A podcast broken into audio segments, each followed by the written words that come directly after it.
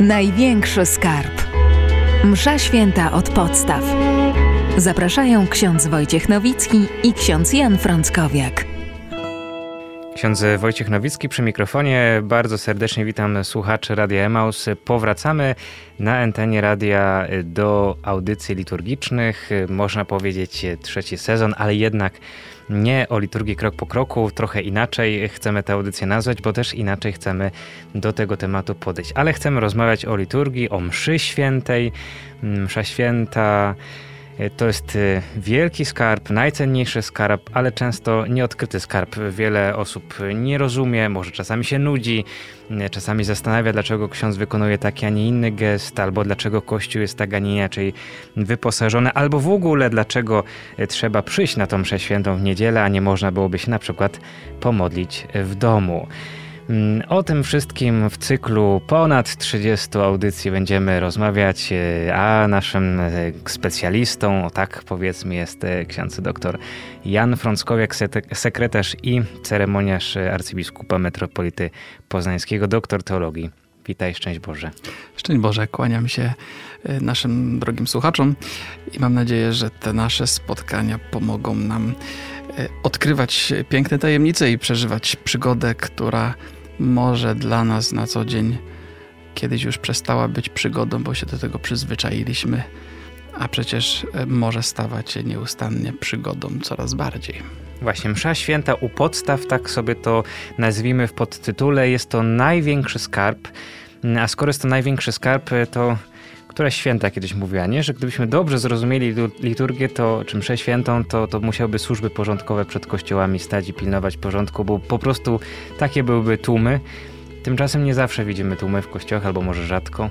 Mhm. Nie rozumiemy liturgii, mszy. Ja myślę, że przede wszystkim y, musimy zdawać sobie sprawę, że kiedy uczestniczymy we mszy świętej, to uczestniczymy w tajemnicy, czy dotykamy tajemnicy, a zatem wszystko, co się tam dokonuje, jest w jakiś sposób tajemnicze, nie jest oczywistością. Gdyby było oczywistością, to pewnie rzeczywiście e, tłumy by były, natomiast e, są tylko ci, którzy zaczynają smakować, o co chodzi w tej tajemnicy.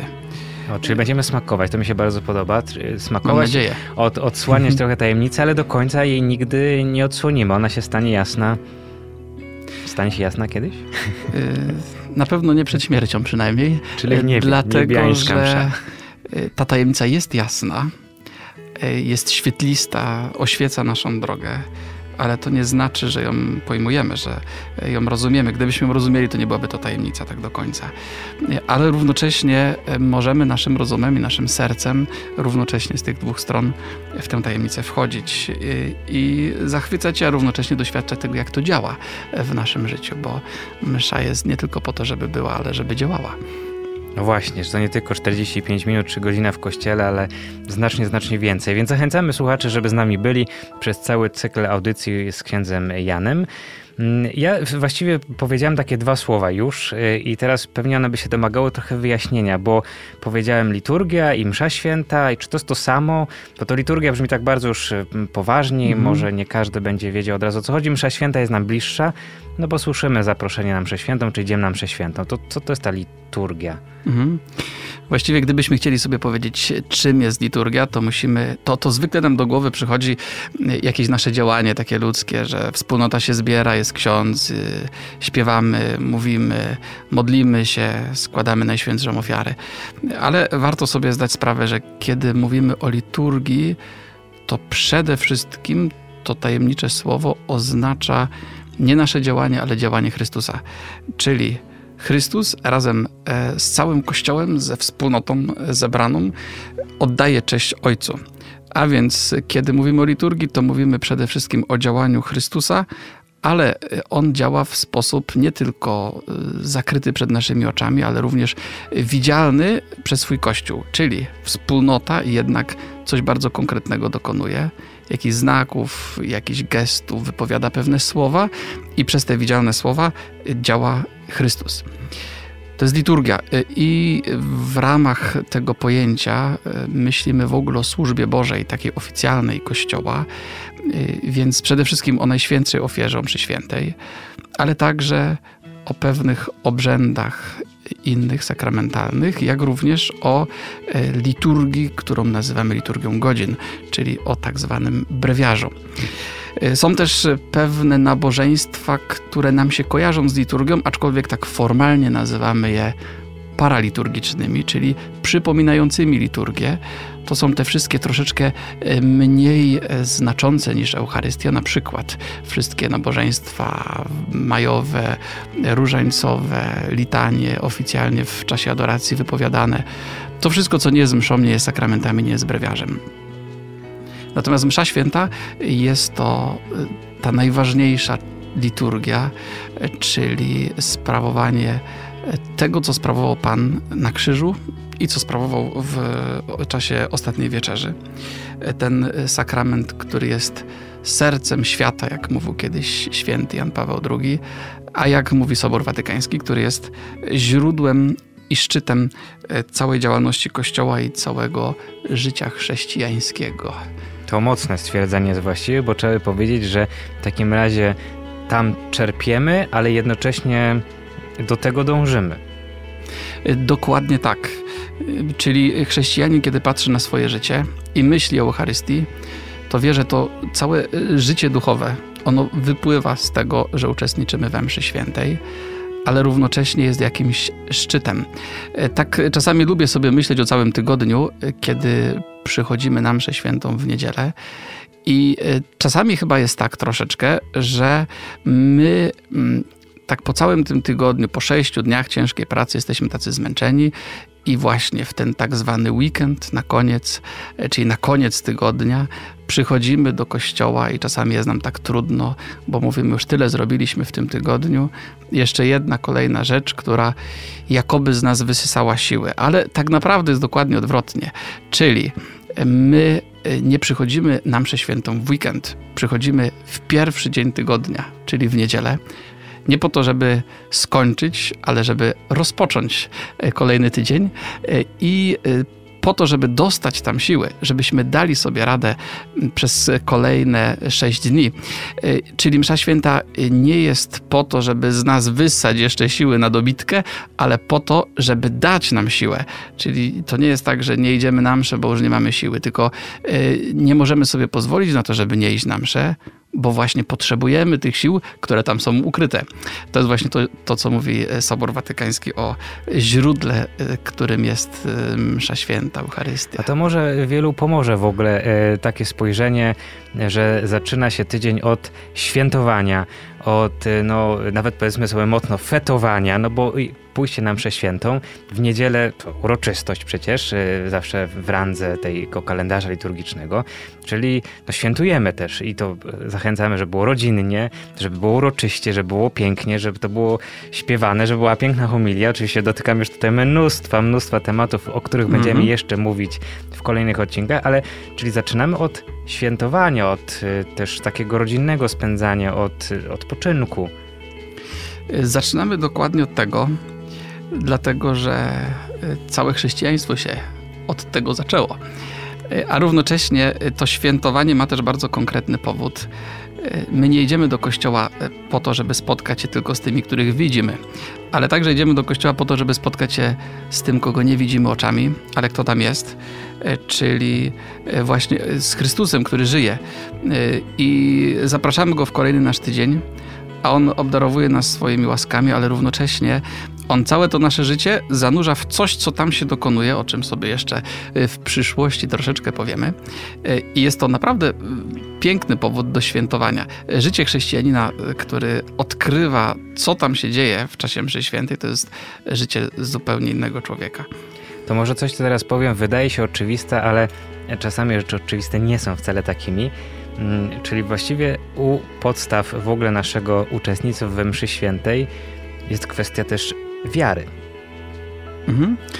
Y, tak, dlatego że my czasami mamy taką pokusę, żeby myśleć o mszy świętej jako o pewnego rodzaju takim przedstawieniu, y, w cudzysłowie oczywiście, że pojawiają się na scenie, czyli właśnie przy ołtarzu, jacyś poszczególni aktorzy, którzy na oczach widzów dokonują coś, y, i tak y, na takie spojrzenie pozwalają na nasze oczy, nasze obserwacje, nasze uszy, to co słyszymy.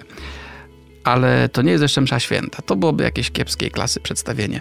Natomiast y, msza święta y, Czym ona jest, to widzimy dopiero, kiedy uruchamiamy jeszcze wiarę, bo wtedy widzimy tam o wiele więcej, słyszymy o wiele więcej, czujemy o wiele więcej.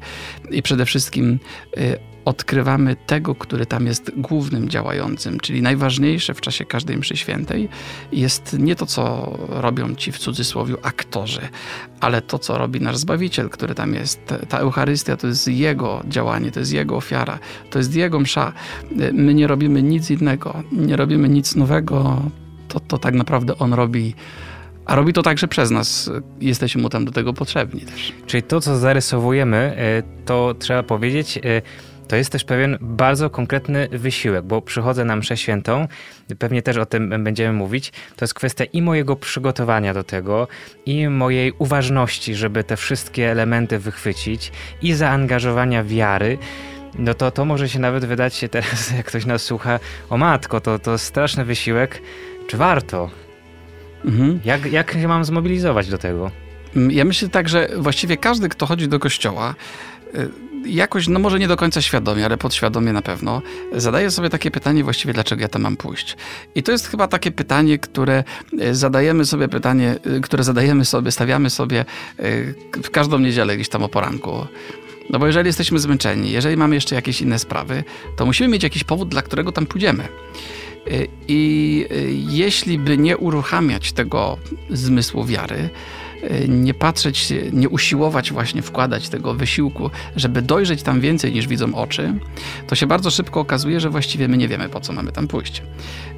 I rzeczywiście ten wysiłek jest pewnie rzeczą nie zawsze najłatwiejszą, ale równocześnie odkrywa nam coś niezwykle pięknego, czyli możemy powiedzieć, że to piękno liturgii ono jest jakąś nagrodą za ten wysiłek. To piękno, które widać tylko wtedy, kiedy się uruchomi wzrok wiary. To mówimy o tajemnicy, tutaj o wchodzeniu w przestrzeń tajemnicy. To jest takie ładne greckie słowo mistagogia. Tak jest. To jest bardzo ciekawa sprawa, mianowicie to pojęcie mistagogia oznacza e, wprowadzanie w tajemnicę, czyli w misterium. E, w starożytności chrześcijanie mieli bardzo ciekawy taki styl w ogóle wprowadzania w chrześcijaństwo.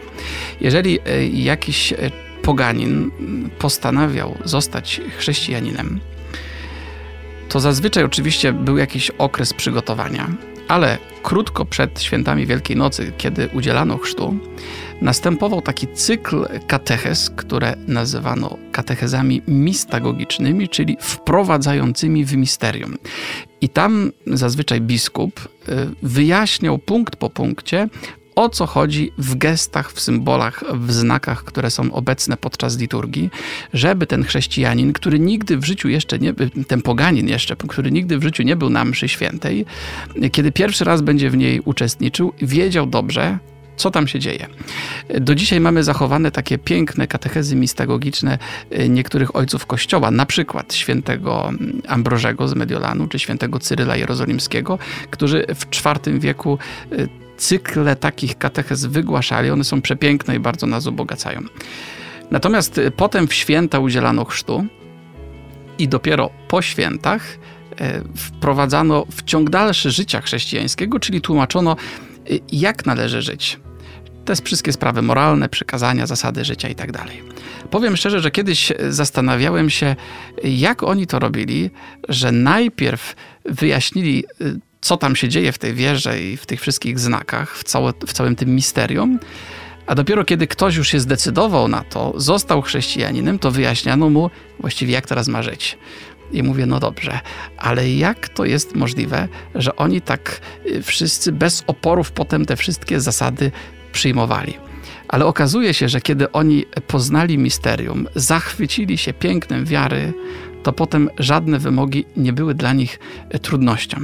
Pewnie dzisiaj mamy troszeczkę e, problem z innego powodu, że mianowicie my zazwyczaj nie wchodzimy w to misterium, nie poznajemy tajemnicy chrześcijaństwa tak od serca, nawet czasami nie za bardzo wiemy, jak to zrobić, albo e, nie mamy takiej możliwości. Natomiast z grubsza znamy zasady, wiemy, jak powinniśmy żyć.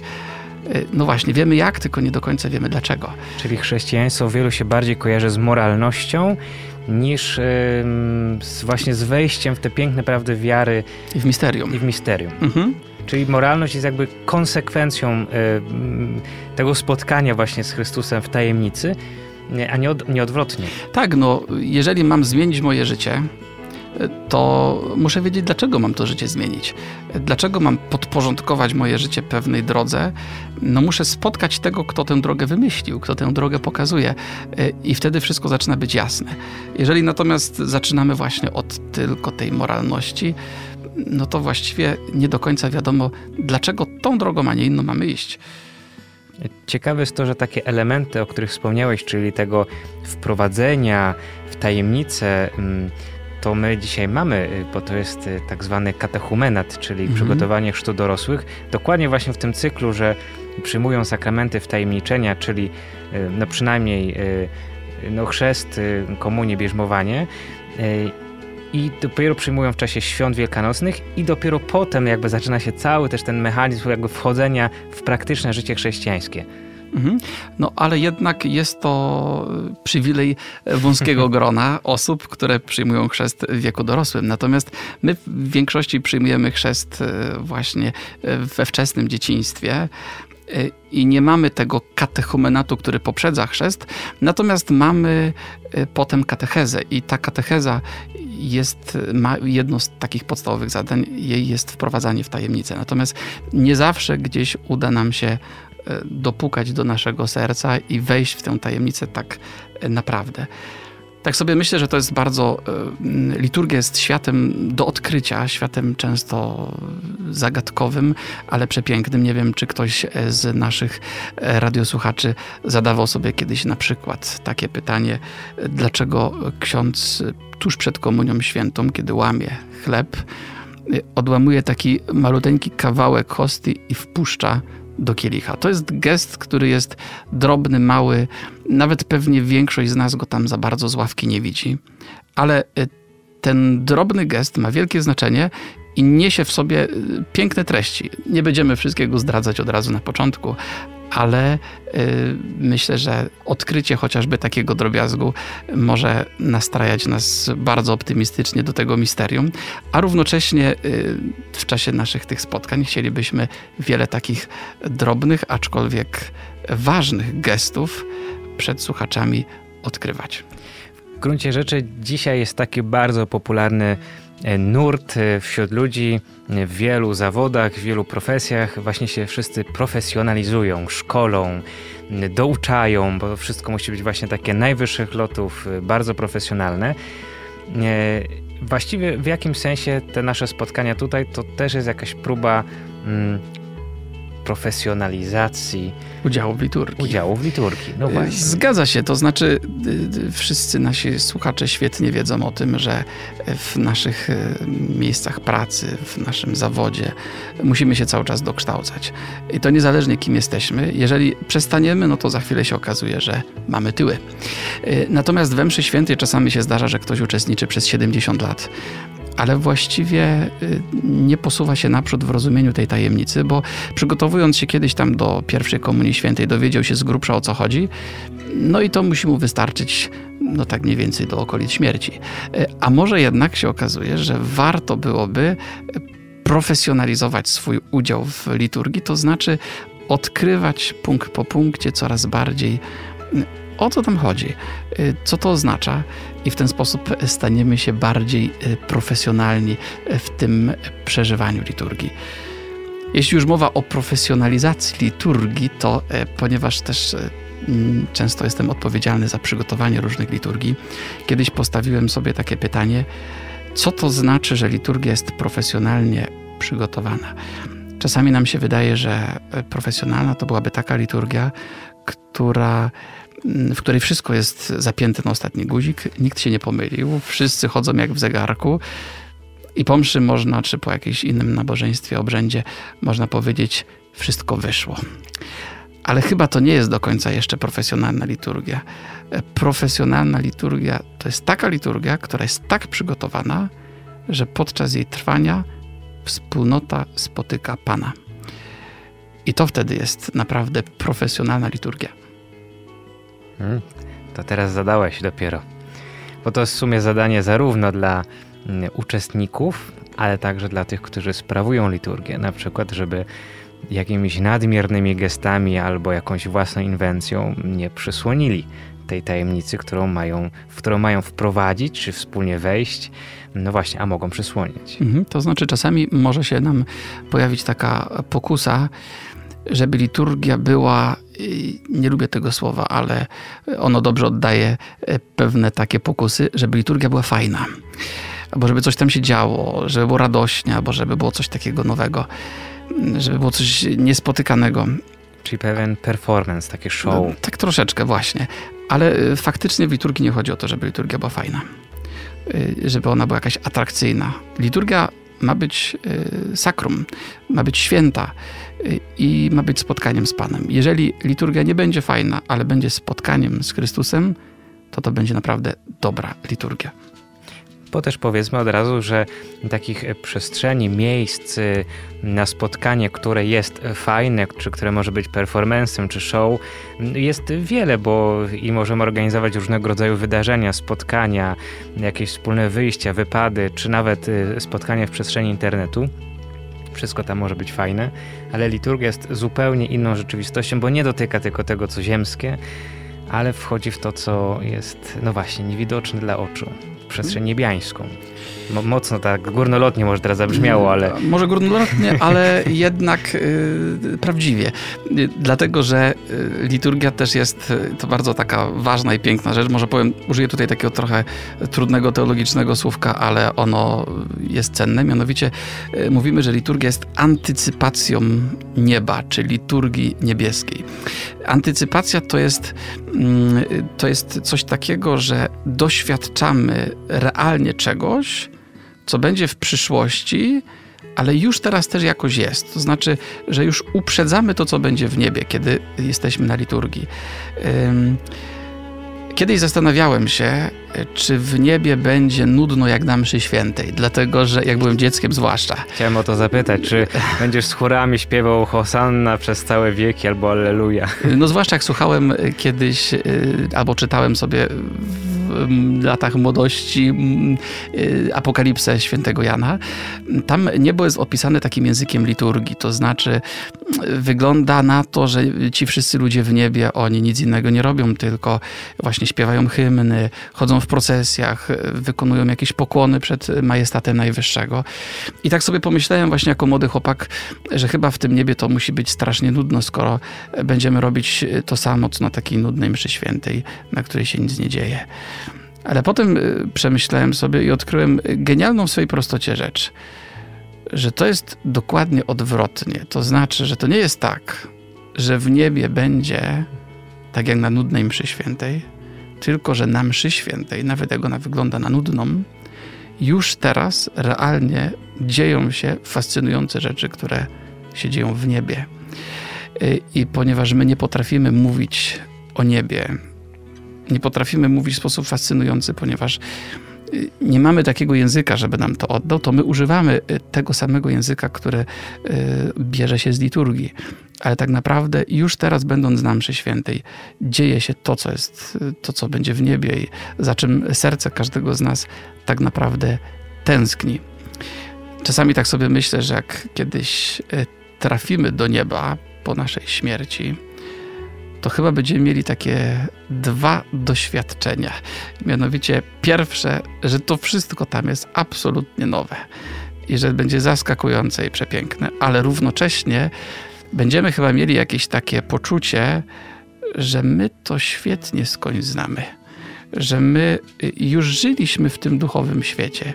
Chociaż go nie widzieliśmy, ale jednak to jest nasz świat. To jest właśnie ten świat, do którego drzwi otwiera nam każda liturgia. Czy o tej nowości mówi też e, Apokalipsa, bo mówi o nowym, e, nowym niebie, nowej ziemi. E, natomiast tak sobie pomyślałem, że właśnie to, to jest może też jakiś klucz do tego, żebyśmy próbowali mm, spojrzeć inaczej na mszę świętą, która może nam się wydawać nudna. Przecież Pan Jezus, kiedy opowiada o rzeczywistości Królestwa Bożego czy Niebieskiego, też używa porównań. Mówi, że Królestwo Niebieskie jest jak. I nieraz to porównuje do uczty, nieraz tam do, y, nie wiem, króla, czy tam ojca, który z, z synami wysyła jednego czy drugiego i tak dalej. Czyli też odwołuje się do jakichś wydarzeń, które dla ludzi były znane, żeby przekazać pewną prawdę. Mhm. I właśnie istotą jest to, żebyśmy spróbowali poprzez to, co widzimy i słyszymy, dojść do tej prawdy, o której to wszystko mówi. No i właśnie o to też chodzi w mszy świętej. Tak, oczywiście y, msza święta też jest nazywana ucztą, właśnie tą zapowiedzią już też uczty niebieskiej. Przy czym oczywiście, kiedy Pan Jezus mówi nam, że w niebie będzie jak na uczcie, to nie znaczy, że będziemy tam siedzieć i jeść. No niektórzy żartują, że woleli być przy stole niż w tym chórze śpiewającym. Y, pewnie tak, zdecydowanie właśnie ale y, ta uczta to jest obraz pewnego radosnego spełnienia, jakiegoś nasycenia nie tylko naszego żołądka, ale przede wszystkim nasycenia naszego serca, czyli tego wszystkiego, co najbardziej tęskni. To mamy, mam nadzieję, mamy nadzieję, że rozbudziliśmy w takim razie apetyty, nawiązując trochę do tego tematu y, uczty i że y, słuchacze z nami zostaną, żeby w kolejnych y, odcinkach y, właśnie zgłębiać te tajemnice mszy świętej po to, żeby lepiej ją poznać, bardziej się w niej rozsmakować i zobaczyć w jak niesamowitą rzeczywistość nas wprowadza i jak nas w ogóle ukierunkowuje potem, jeśli chodzi o życie, jak wpływa na naszą codzienność, bo to przecież właśnie o to chodzi. Ksiądz Jan Frąckowiak jest naszym tegorocznym specjalistą, jeśli chodzi o e, wprowadzanie w głąb tego największego skarbu, czyli msza święta u podstaw. Bardzo serdecznie dziękuję. E, I chociaż jestem takim specjalistą, który można powiedzieć raczkuje, ponieważ im bardziej poznajemy Eucharystię, tym bardziej odkrywamy, jak mało rozumiemy, jak mało pojmujemy, ale równocześnie y, zaczynamy ją kochać. I takiego pokochania bardzo serdecznie naszym słuchaczom i nam także życzę. Ksiądz Wojciech Nowicki, kłaniam się i do usłyszenia w kolejnym odcinku. Największy skarb. Msza święta od podstaw.